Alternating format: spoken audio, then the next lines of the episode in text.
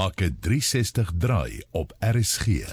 En ons draai langs die waters. Ons gesels met Benasha Mullins, sy is die waarnemende adjunkdirekteur kleinskaalse visserybestuur by die Departement Bosbou Visserye en Omgewingsake. Baie welkom Benasha.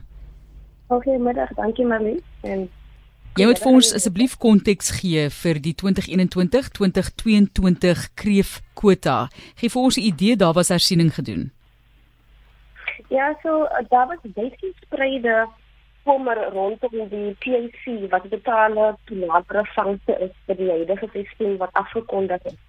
En gebaseer op die besnoeiing dat jy aan dat daar baie kommer is rondom van die kleinskaalse vissers en die kommersiële sektor af rondom die besnoeiing. Van basis wat die besnoeiing beteken is dat die TAC die 600 ton wat afgekondig was op 15 Oktober dui aan dat dis 'n 28.3% afname teen die voor die vorige seisoen.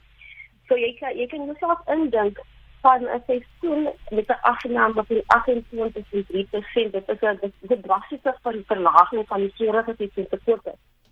So gebaseer op die sneeu het die minister aangedui dat sy dit soek ingedien vir 'n vir 'n belangrike nuwe kef So die KEF is 'n raadgewende adviesvorm wat sy aangestel het om in te kyk na die TAC-poste en die toekenningsposte ter sien vir die seisoen wat die 15 Oktober afgekondig is.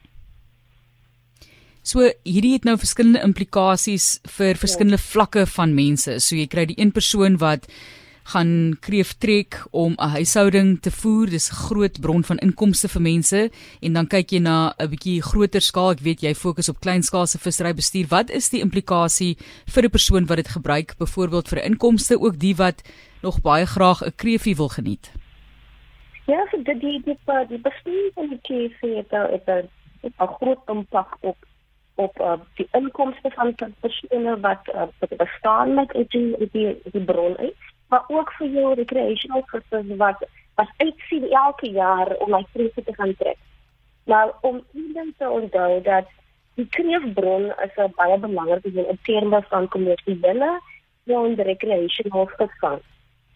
So die impak van die besproeiing het 'n drastiese impak op in, inkomste, maar om dit om dinge verder te vererger die impak van COVID op die COVID-pandemie op die uitvoermark en die besigpryse drasties verminder.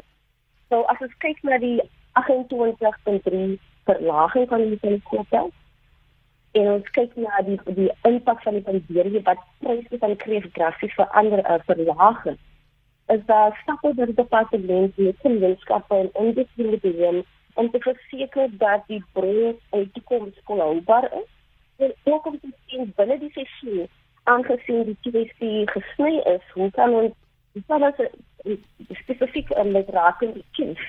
Hoe kan ons in terme van die prosesse wat geneem word om die kind te bepaal of dat wel uh, is dit 'n uh, professionele of die uh, toepaslike professionele bestuur wel in die sektore wel nodig is en en hoe dit ook kan verbeter in terme van die inkomste van gesit en watter ander spesies kan ons kyk om om my mandjie bietjie weer te maak dat mense 'n uh, 'n uh, addisionele inkomste het behalwe net kinders.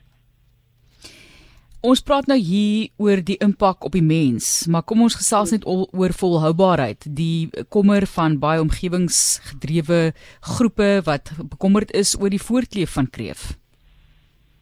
Ja, so die die TNC is gebaseer op bygewerkte brondata wat aandui dat uh, verswakking van die witte vlakke.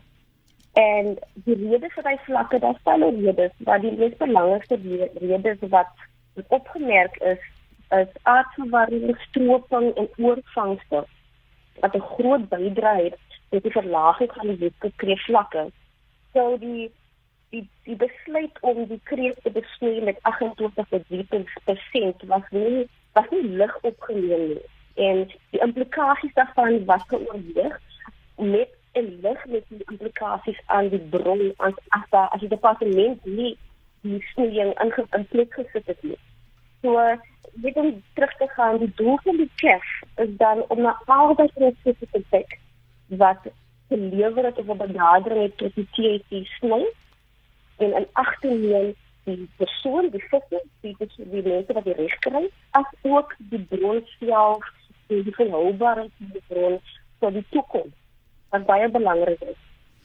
Is daar 'n plek waar mense hierdie hersienings kan gaan lees om te leer wat die impak op hulle sal wees? Is daar inligting so aanlyn beskikbaar? So hy het net die kerk is nie aangestel. Hulle is hulle het versoek om na na sekere punte te kyk rondom die siening van die CDC. So dit dit dit dit word ook na die sieningsproses van die kerk daar gaan 'n dringende daar word dringend hulle 'n versoek ingedien om die uh, ondersoek af te handel en die minister rekommendasie gee binne 'n bepaalde tydplan werk. En sodra die minister daai um insette en ondersoek um, wat hulle gelewer het en aggeneem het met al die rekomendasies van die publiek en die regter dan dan sal dan afkondig gemaak word rondom dit sal een soort van 'n media statement uh, oorsakeklik wees rondom waar persone meer inligting kan kry rondom daai sekere